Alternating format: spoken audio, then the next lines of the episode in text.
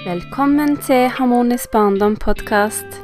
Mitt navn er Kaya Dilani, og jeg brenner for at barn skal ha det bra, at de skal ha gode, tilstedeværende, oppmerksomme omsorgspersoner som tar vare på seg sjøl. Og denne podkasten er for å inspirere deg til å bli nettopp det. God fornøyelse.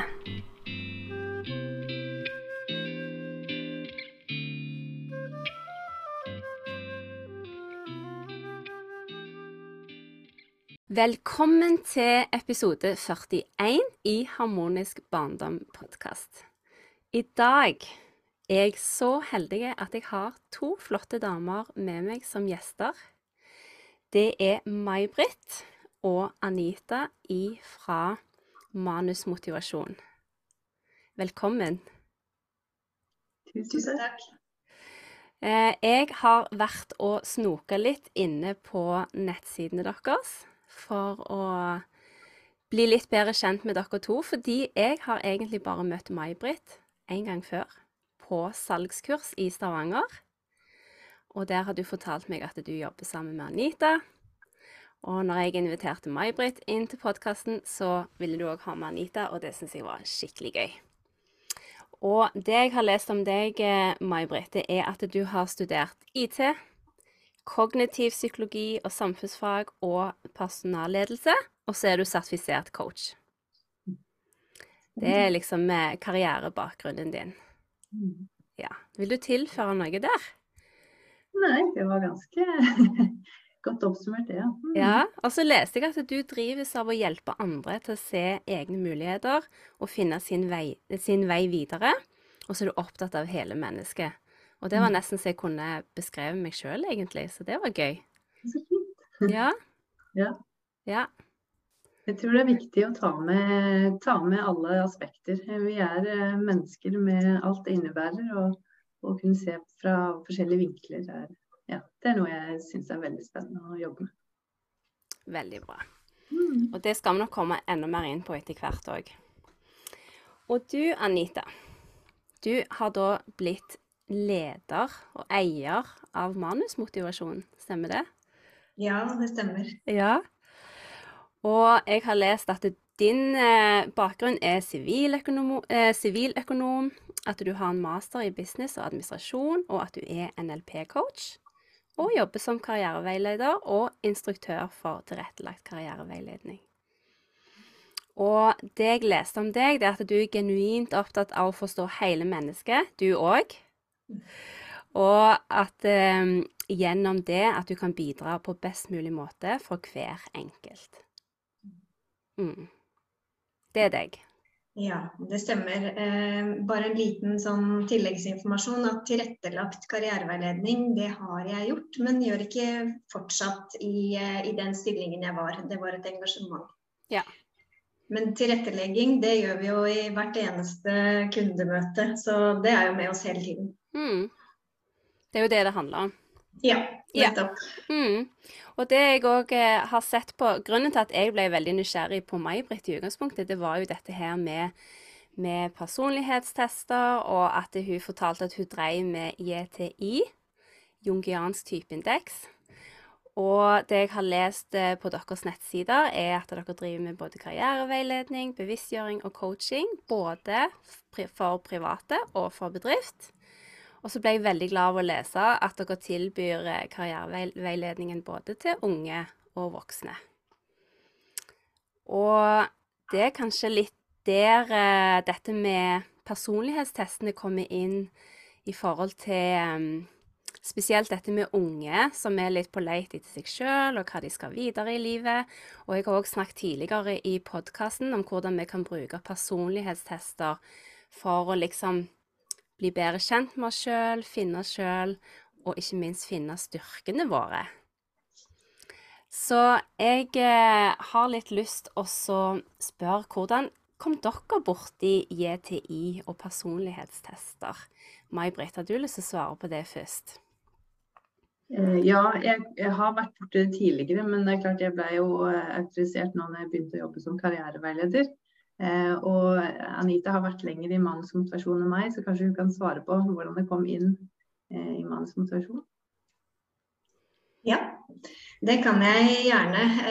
Det er jo et ganske sånn, hva skal jeg si mangeårig konsept eh, i manusmotivasjon, også før jeg kom inn der. Eh, som, eh, som startet med, med, en som heter Emma Lie. Og, og, de har brukt det som ett av verktøyene inn i karriereveiledning. Og det å forstå hvordan vi mennesker eh, har våre mentale preferanser, er ganske avgjørende, gitt at vi er eh, definitivt mentale vesener i samfunnet vårt eh, i dag. Mm. Så derav så, så, så, er det en vesentlig del av informasjonen, i tillegg til naturligvis andre kilder til informasjon vi bruker inn i, i veiledningen vår, for å få en total eh, tilnærming. Mm. Så den personlighetstesten er egentlig bare en liten del av det dere gjør for kunden?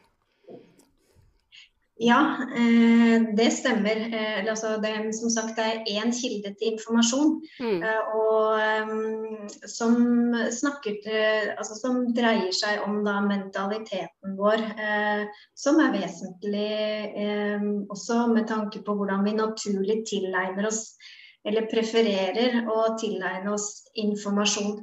Eh, så det er, det er et, et, godt sånn grunnleggende spor vi bruker. Eh, og så, så, ja, absolutt vesentlig mm, inn i veiledningen. Mm. Vi tilbyr også eh, å bare ha IETI-kartlegging av personer, eh, uavhengig av karriereveiledning. Men i karriereveiledningen så blir det som en del eh, et, et, verktøy sammen med andre verktøy vi også bruker. Mm.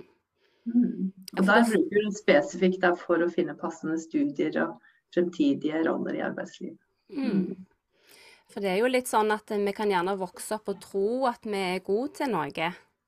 Eller på en måte har blitt lært at dette er du god til, men så egentlig er det noen helt andre grunnleggende talenter som vi i stedet kan dyrke. Og det vil jo da komme fram gjennom en sånn type test. Ja, iallfall preferansene dine. Hva du mm. prefererer. Eh, hvordan du prefererer å jobbe. Og, ja. mm. Anita? Ja, eh, jeg syns eh, det i seg selv er ganske spennende. Hva vi tillærer oss, og hva som kanskje ligger der grunnleggende.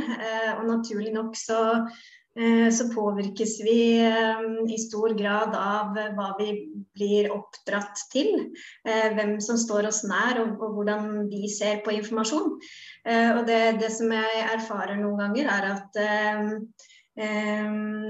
det fremstår som ganske tydelig at man har f.eks. en preferanse for sansning da, som går mot det konkrete og praktiske. Eh, når, men når du hører litt bedre etter og går litt lenger inn i materien, så er det kanskje preferanse for intuisjon, der hvor det abstrakte er inngangsporten, som ligger i bånn. Eh, så det er viktig å tenke og være oppmerksom på at det er jo ikke svart eller hvitt, men nettopp det at vi lærer oss noe, og at det ikke nødvendigvis er vår preferanse i bunn og grunn, mm. gjør jo det at vi eh, får øynene opp for kanskje det som i vårt eget hode er en selvfølge, eh, men som kanskje nettopp er ditt gull. Da. Og så har du lært deg eh, mer. Og sånn vil det jo alltid være. Mm. Og jeg tenker jo Det er jo mange som vokser opp og tror at de må i gåseøyne bli det samme som foreldrene sine, men så har de gjerne helt andre ja, eh, talenter og personlighetstrekk som det passer kanskje ikke til det i det hele tatt. Mm. Men det jeg lurer på da, hvem er det egentlig som kommer til dere? Eh, ja, eh, hovedsakelig så er det ungdommer og voksne som ønsker karriereveiledning. Og ja, det kan være ungdommer som skal ta studievalg. Men det kan òg være voksne og godt voksne som har vært i arbeidslivet en stund, som enten ønsker en forandring eller ja, ønsker å se litt nærmere på hvem, hvem de er og hva de ønsker å gjøre videre. Mm. Ja, for det er jo voksne som eh, endrer karrieren sin underveis i livet. Um, jeg leste noe her en plass Nå finner jeg det ikke. Men uh, tingen er jo det at uh, vi skal jo trives i livene våre. Og det er jo akkurat det jeg er opptatt av i Harmonisk barndom. At hvis vi som voksne trives, så vil òg barna ha det bedre. Og derfor tenker jeg jo at foreldre eller mødre som mistrives i jobben sin, kanskje de trenger å ta en kikk på sin karriere, om de skal gjøre noen endringer for å trives bedre, rett og slett. Så det er jo egentlig en av grunnene til at jeg òg har tatt opp det med personlighetstester, for jeg syns det er så viktig at vi kan drive med noe vi virkelig elsker. Anita? ja, jeg tenkte på en veldig sånn naturlig link til det du sier der, er jo det at um, når vi trives, så Eller når vi mistrives, så har vi kort lunte. Mm -hmm. eh, og typisk motsatte, når vi trives så har vi mer å gå på. Og disse englene av noen barn vi er heldige å få, de er veldig gode til å trykke på disse knappene som gjør at, at denne kort, lunta som er kort, den smeller. så det er klart at eh, med trivsel så har vi mer å gå på. Eh, og eh, ja, kan være mer nysgjerrig og til stede sammen med barna våre. Mm. Absolutt. Har du lyst til å legge til noe der, May-Britt? Ehm, ja, jeg tenker at det henger helt, det, alt henger sammen. Uh, trives vi på jobb og får vi gjøre det som, som, vi brenner for og det vi er motivert for, så, så, går det så mye lettere. Og da har vi overskudd på andre plan også. Mm. Uh, og går det godt hjemme, sant, så går det godt på jobb. Altså det, alt henger sammen. Så det handler om å finne ut av hvem er jeg, hva kan jeg brukes til, hvor, hvordan kan jeg brukes best? Uh, hva, hva, koster minst for meg å gjøre? Hva bruker jeg minst energi på? Mm. Det er så lett for meg. Uh, hva bør andre gjøre? Hva er andre gode på? Hvordan kan jeg eh, identifisere det og, og si, kan vi nyttiggjøre oss det, at vi er forskjellige? Mm. Det er viktig. Det er det. Og ikke minst det med hva vi bruker energi på, eller mye energi på. Kanskje det finnes noe som er lettere for oss å gjennomføre, som ikke krever så mye energi. Men at vi mm. likevel kan trives med det, det tenker jeg er veldig viktig. Og før vi gikk i opptak, så snakket vi litt om eh, hva slags eh, Hva heter det koder vi sjøl har? Nei, det heter ikke koder. Hva heter det når du har tatt den testen? Preferanse. Preferanse. Vi mm. snakket om våre preferanser, og så viser det seg at meg og Anita har de, den samme. Mm. Og så har May-Britt en litt annen. Og det jeg lurer på da, det er hvordan har disse preferansene hjulpet dere i deres liv, enten privat eller karrieremessig? May-Britt, har du lyst til å Anita, vil du svare på det først? Eh, ja, det kan jeg gjerne gjøre. Um, helt personlig så, um, så, tenker jeg, som sikkert også mange kjenner seg igjen i, at vi, vi, ser oss selv i lys av forventninger og de rundt oss. Vi speiler oss selv i de rundt. Eh, og eh, ved å eh, lære om denne type teori da, og mentale preferanser, så fikk jeg en forståelse for hvordan det faktisk i mange sammenhenger fremstår som annerledes for meg. At jeg har fokus et annet sted og naturlig da er god på enkelte ting, samtidig som andre ting vil koste meg mer å gjøre.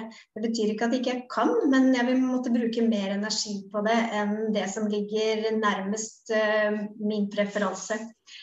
Så, eh, så, det å forstå, som er viktig for meg generelt, eh, det ga meg en aksept for at jeg er, jeg er som jeg er, og jeg er meg. Eh, og, og, da også kunne stå mer rakrygga i eh, de styrkene som er med det, men også innse hva som ikke nødvendigvis er det jeg er best på, og, og tillate meg å og eh, inngå samarbeid da med noe som supplerer, sånn at totalen blir best. Så i bunn og grunn en form for aksept som er så utrolig betydningsfullt, tenker jeg, for alle mennesker. Eh, aksepter deg selv. Eh, hvordan kan andre gjøre det hvis ikke du begynner med deg selv? Absolutt, det er veldig fint. Og jeg tenker med den aksepten så kan det òg komme en type indre ro som jeg òg er veldig på jakt etter hos mine kunder. Mm. Ja, og akkurat i det, fordi jeg tenker at det er en sånn naturlig rekkefølge. For når du aksepterer, så blir du trygg du lander i deg selv, og med trygghet så kommer ro. Mm. Det er en veldig tydelig tråd her, tenker jeg. Ja, der er mm. en link. Absolutt. Hva tenker du, May-Britt, om din eh, erfaring, hvordan den, disse preferansene har hjulpet deg?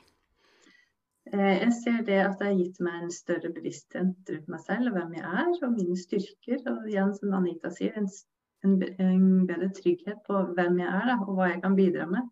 Eh, som, som, er lett for meg. For det er ofte sånn vi mennesker, hvis det er noe vi er gode på, eh, så er det så lett for oss at vi, vi verdsetter ikke helt selv. Eh, mens for andre så kan det være ganske utfordrende. F.eks. sånn banalt eksempel kanskje, men, men, det å organisere og strukturere ting, det er en av mine styrker, og det ligger lett for meg. Og jeg tenker det, det koster meg så lite å gjøre det. Men så merker jeg etter hvert at for andre så kan det koste mer. Og sånn helt konkret her hjemme så har jeg gift med en av en annen type enn meg.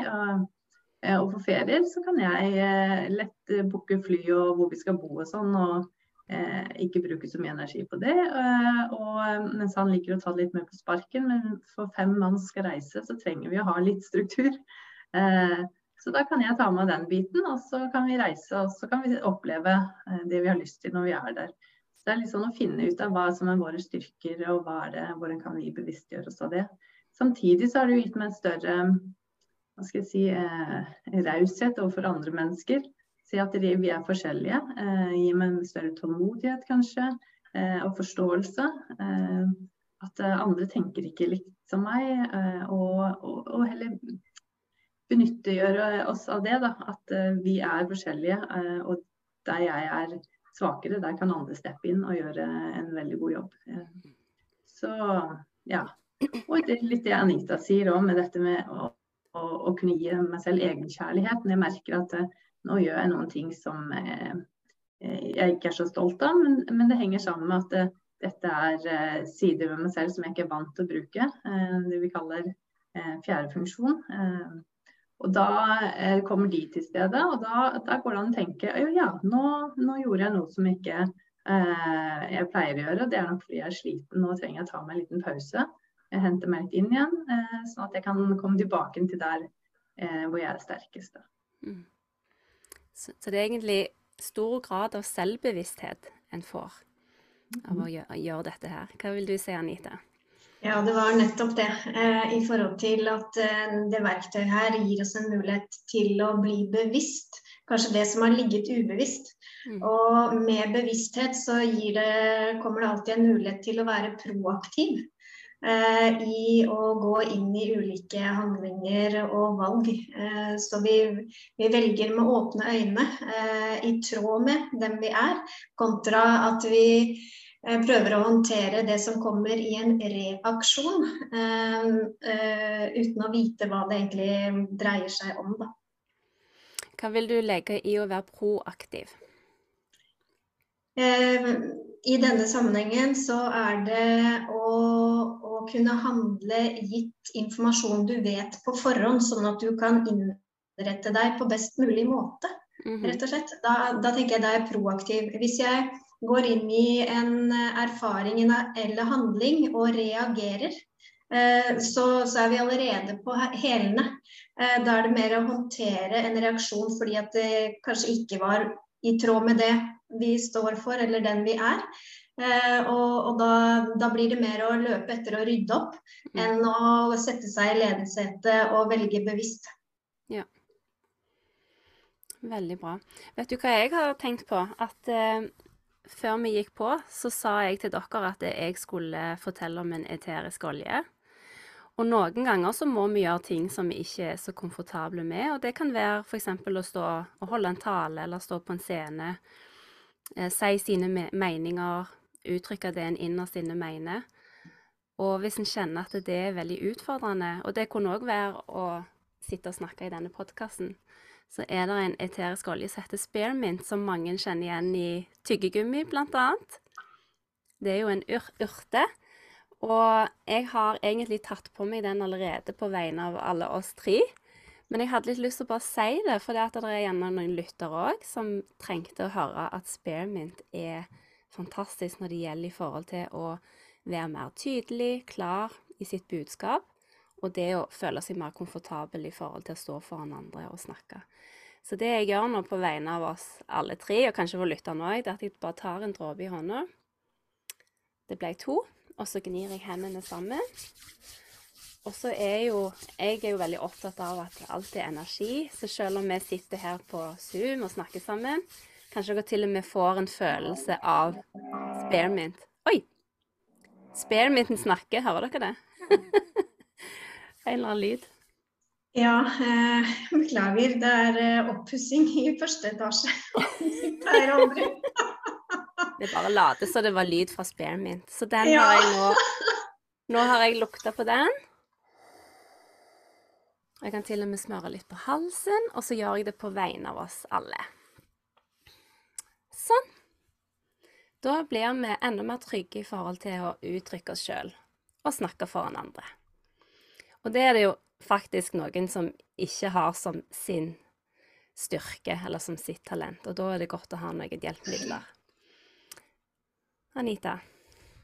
Ja, eh, jeg tenkte på det i forhold til proaktiv. Eh, også med kjennskap til mentale preferanser, så kan vi identifisere nettopp når vi går inn i oppgaver som ikke nødvendigvis er vår preferanse, Mm. eh, og, og sånn sett eh, velge eh, hvor vi vil legge inn eh, støtet, for å si det sånn, i forberedelsene. Eh, kanskje er det sånn som for meg lett å snakke. Eh, eh, og eh, når jeg skal inn i en oppgave og, som krever noe annet av meg, så vil jeg da legge inn forberedelsene på den, det området som jeg ikke naturlig er best på, da, f.eks. Mm. Så det er altså et sånn konkret eksempel på å være proaktiv i lys av å være bevisst og eh, ha litt åpne øyne på hva som er for en selv. Mm. Så det er en, en, en aktiv forberedelse på en måte. Absolutt. Mm. Veldig bra. Um, det jeg har tenkt litt på, det er når jeg har sjøl tatt uh, denne her personlighetstesten, eller kartleggingen, det er at dette er jo noe som egentlig alle ungdommer burde blitt tilbudt. Jeg tenker når de står der på ungdomsskolen og skal velge videregående skole, og egentlig eh, de, de velger jo en retning på en måte for resten av livet sitt, og da tenker jeg at det hadde vært perfekt hvis de kunne fått en sånn kartlegging av sine styrker. Og det er jo, du får jo òg fram svakhetene dine på en måte. Du ser hva du gjerne ikke er så god på. Eh, så jeg er jo veldig glad for at dere tar imot ungdommer òg. Men har dere noen kommentarer til det sjøl i forhold til ungdommer og yrkesvalg, og kanskje noen tips som eventuelt foreldre som hører på, kan ta med seg til sine ungdommer? Eh, Anite? Ja, eh, altså først og fremst eh, Når du snakker om JTI og unge, så, så er det jo noe med det at unge er nettopp i, i utvikling hele tiden. Så, så vi er veldig sånn, vare på og eh, understreker at dette er en teori for å indikere noe som du kan kjenne deg igjen for, og at det vil utvikles. Mhm. Ehm, samtidig så gir det noen retningslinjer som gjør det veldig mye enklere å samle kanskje ehm, og forstå hovedvekten av egeninteresser og hvor du naturlig kanskje er god. eh, som er veldig ehm, et godt fundament å ta med seg inn når vi faktisk skal gjøre et valg av det slaget. Da. Mm. Ja. Så egentlig så sier du at hvis en 14-åring tar denne testen, så vil han kanskje se helt annerledes ut om 10-20 år? Eh, ja. Eh, altså Generelt sett så, så tenker jeg vi begynner gjerne et sted i, altså i, i en av preferansene. Men så vil jo livserfaring eh, og læring eh, gjøre at vi utvikler også den andre siden. Eh, så um, ja, eh, det er, det er endringer. eh, Det er det. Og det tenker jeg vi skal være ydmyke for, eh, uavhengig av hva slags verktøy vi bruker. Så at vi bruker det klokt, da. Ja. Eh, Og gir, eh, gir eh, noen indikasjoner på ting vi kan kjenne oss igjen i. Og så gir det en trygghet i forhold til å stå i det som faktisk er, fordi vi gjenkjenner det. Mm. Og da forsterkes det ofte også, som, som er en fin ting i forhold til at eh, det faktisk resonnerer for deg og er verdt å ta tak i når man skal velge. Mm. Veldig fint at du sier det, at det er jo et verktøy, og en skal hva skal jeg si, bruke det med omhu. Det gjelder jo alle verktøy, egentlig. Og så Mm. legge til litt sunn fornuft, skulle jeg til å si. Nå skinner sola så fint på deg, May-Britt. Har du noe du har lyst til å legge til? Nei, ja, jeg tenkte i forbindelse med det, for vi er veldig eh, vi opptatt av å, å, kommunisere det også når vi går gjennom resultatene, at dette er en kartlegging. Eh, og det er ikke sånn sånn er du 100 eh, Det er en forenkla teori. Eh, og, og, du må velge mellom ytterpunkter. Og så er vi mennesker. Vi er dynamiske, vi er tilpasningsdyktige. Eh, og vi, vi, kan utvikle flere sider av oss selv. Eh, så det er jo ikke sånn at det er eh, noe rett og noe galt her, eller dårligere eller bedre. Det er preferanser det er snakk om. Og det vi også sier da, når, når, vi gir resultatet, det er at det du kjenner deg igjen i, det tar du med deg. Så jobber du videre med det. Det du ikke kjenner deg igjen i, det lar du ligge. Og så, så nyttiggjøres av det som, som, er, som, som, som resonnerer for deg. Mm. Så, ja. Mm. Og så er det gjerne viktig å si igjen at dere bruker jo dette som et verktøy, og så er det liksom veiledning, og, og kunder kan òg bestille coaching for å gjerne komme enda dypere inn i, inn i dette, ikke sant? Det må det. Ja, det, det, stemmer jo det. Og jeg tenker det er, det er, kanskje greit å si da i den sammenheng, i tillegg til JTI, så er det også interessekartlegging. Vi går gjennom eh, hva vi har likt på skolen, hva vi likte som barn. Så det er mange kilder til informasjon inn i den totalen. Eh, og så søker vi jo å vise den røde tråden for den enkelte, sånn at den skjønner hva som legger til grunn for vår anbefaling. og Eh, på den måten kan eh, kjenne seg igjen i og ta med det fundamentet eh, også inn i andre valg. Mm.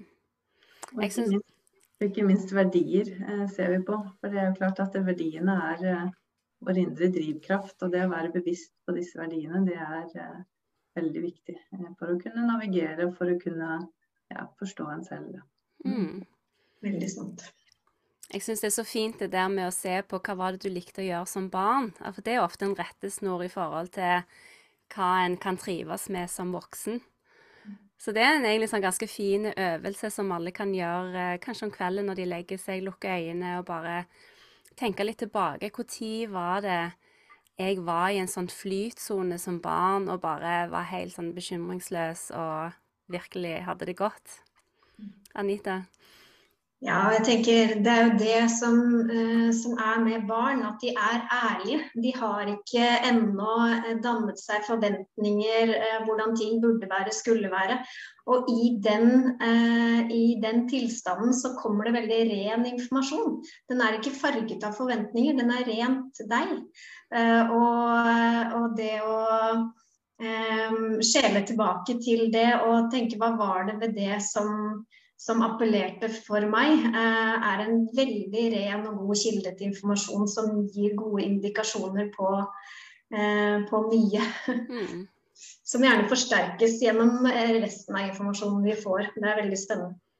Jeg kan, jeg kan egentlig dele en erfaring der. fordi på, Jeg har tatt en del forskjellige personlighetstester, for jeg syns det er utrolig spennende.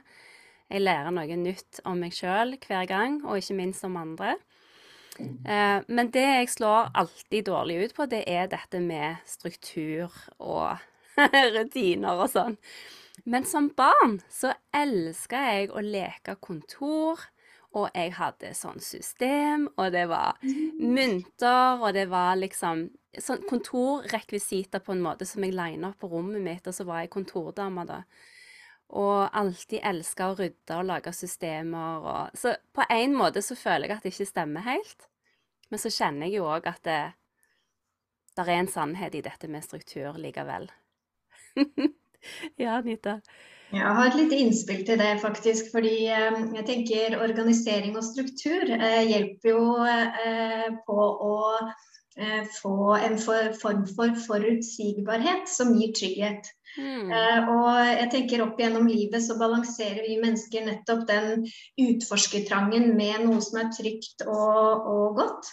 Eh, og ergo så, så, kan man til tider være mer tilbøyelig til å favorisere struktur og organisering på ett felt og så kan man være fri på et annet, eh, hvis ja. du skal eh, vise ytterpunktene.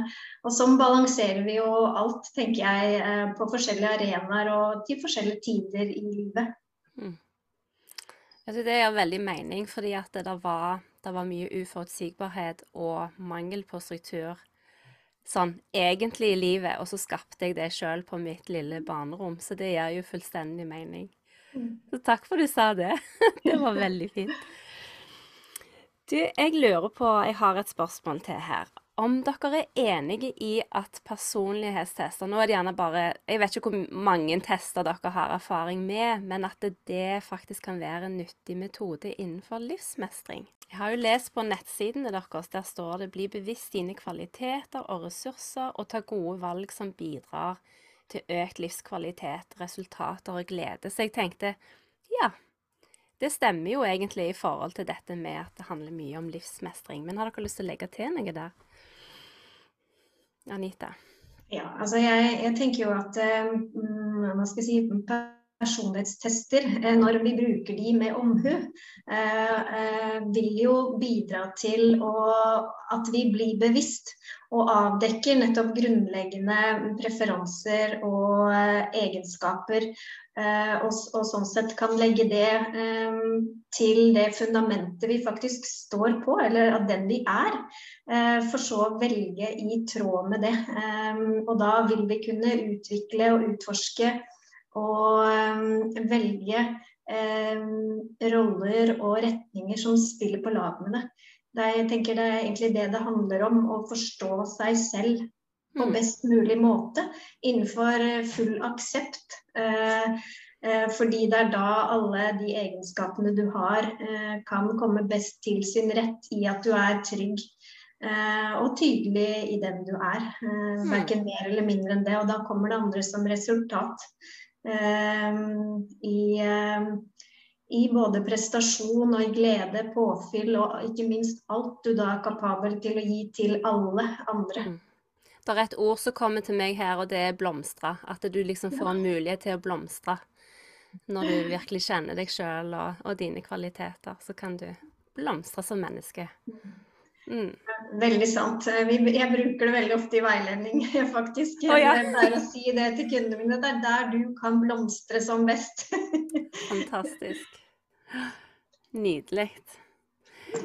Jeg hadde bare lyst til å spørre om en siste ting, og så, og så, skal vi avslutte med et dikt. Men det jeg lurer på, bare veldig kort Dere tilbyr jo disse tjenestene til bedrifter òg. Hvordan kan, eh, hvis en bedrift tar kontakt med dere, hvordan kan de få hjelp? Eller hva er det de får hjelp med? Hei, May-Britt. Det handler jo om uh, bevisstgjøring av deg som ansatt også. Og vi tenker at det er en viktig del av det å kunne få sette ord på, både for seg selv, men også for sin arbeidsgiver. Hva er det som er viktig for meg for at jeg kan trives over tid? Og det er mye investeringer i ledere og lederutvikling som er kjempebra. heier absolutt på det. Men samtidig så er det også ansatte som vi ser vil kunne ha ha nytte av bevisstgjøring innenfor ja, for seg selv og bli kjent med seg selv og, de andre som de jobber med, sine kollegaer. Eh, vi, vi tilbyr f.eks. Teamkompasset, hvor vi kan gå inn og se på team, hvordan de kan jobbe bedre. Hvordan, altså, hvilke, hvilke, roller er det jeg fungerer best i da, eh, i et team. Eh, ja, Anita, vil du legge til noe her? Mm. Jeg tenkte egentlig assosiasjonen til å blomstre. Akkurat som eh, en organisasjon, eller akkurat som du som individ i privatlivet ditt vil eh, ha glede av å blomstre og kunne gjøre en best mulig innsats på alle plan der hvor du blomstrer, så vil det også være sånn i en bedrift. Hvis du kan bidra til at hver enkelt blir bevisst hvor man blomstrer, så er det ikke så vanskelig eller for en leder også å kunne møte deg, da. Kontra hvor du ikke nødvendigvis er våken på hva som skal til for deg selv, så vil jo også ledelse kunne skyte litt i blinde. Nettopp fordi at vi trenger å vite selv, og, og da kunne nyttiggjøre oss og definere hvor vi kan blomstre for vår bedrift, da, rett og slett. Mm. Og jeg tenker jo at eh, sånne type tiltak kan jo òg redusere sykefravær, når, når, de ansatte kan få lov å blomstre og virkelig bruke energien sin der de trives. Ja. Definitivt. Det er jo, jeg tenker det er med på å skape trivsel og arbeidskultur. Eh, det er også en mulighet til, eh, som et verktøy hvis noen ikke trives. Eh, eller at det er omorganiseringer og mennesker kommer i ulike roller som de kanskje ikke så for seg skulle være. Ehm, så, eller nyansettelser for å kunne skape en god dialog og eh, en åpen tilnærming til hvordan de kan utvikle seg. Så, så, som jeg ser det, så kan det brukes på veldig mange måter um, i forhold til bedrift også. Hmm. Veldig spennende. Og dere holder til både i Oslo og i Stavanger, og kan finne Altså dere eh, er på manusmotivasjon.no. Der kan lytterne finne ut mer om, eh, om det dere driver med, og de ulike tjenestene dere tilbyr. Veldig mm. spennende. Jeg ønsker dere masse lykke til videre med det arbeidet. Og hvis det er noen av lytterne som trenger coaching, så har dere tre coacher her nå. Og det er bare å ta kontakt. Så kan vi hjelpe dere til å blomstre i livene deres. Og jeg har lyst å avslutte først og fremst må jeg si tusen takk til Anita og May-Britt. Veldig hyggelig å ha dere her. Og så Tusen takk. Ja, tusen takk for at dere kom. Og så skal jeg lese et dikt som min mamma har skrevet på 90-tallet en gang. Da satt hun med sin skrivemaskin og trykte på tastaturene. Jeg syns det var en utrolig behagelig lyd, faktisk. Og jeg fortalte han lillesønnen min i går om når min mamma satt og skrev på skrivemaskinen sin. Da kom det dikt sånn som dette her, som heter 'Masken'. Og grunnen til at jeg valgte dette, det var fordi at når jeg leste det, så tenkte jeg at dette er gjerne et eksempel på en person som ikke har fått gått inn i dybden på seg sjøl, som ikke har fått liksom sett innover og blitt helt kjent med seg sjøl, og som da bærer en maske. Og diktet er sånn. En dag vil ansiktet mitt revne. Fra baksiden vil det velte ut en flom av tårer og hul latter. Den store, sorte angsten min vil sprute ut av hodet, renne nedover og dekke kroppen, inntil jeg blir usynlig, går i ett med den mørke natten. Det var diktet 'Masken'. og det er mørkt, men det er jo mørkt for mennesker som ikke helt har funnet seg sjøl, som ikke har funnet den tryggheten i seg sjøl. Og dette syns jeg er et godt eksempel.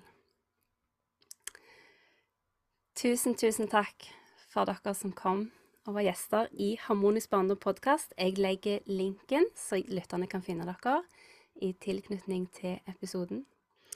Og så ønsker jeg deg som lytter, en utrolig fin dag videre, og en god dag til Anita og May-Britt òg.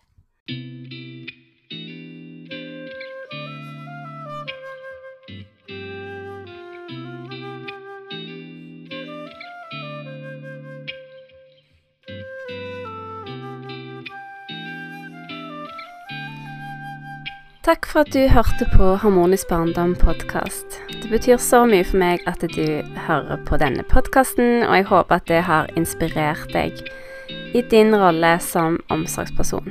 Hvis du syns det er utfordrende, så vit at du kan alltid ta kontakt for å booke en samtale med meg, og så ser vi på hvordan du kan jobbe videre med meg i Harmonisk barndom. Jeg ønsker deg en nydelig dag videre.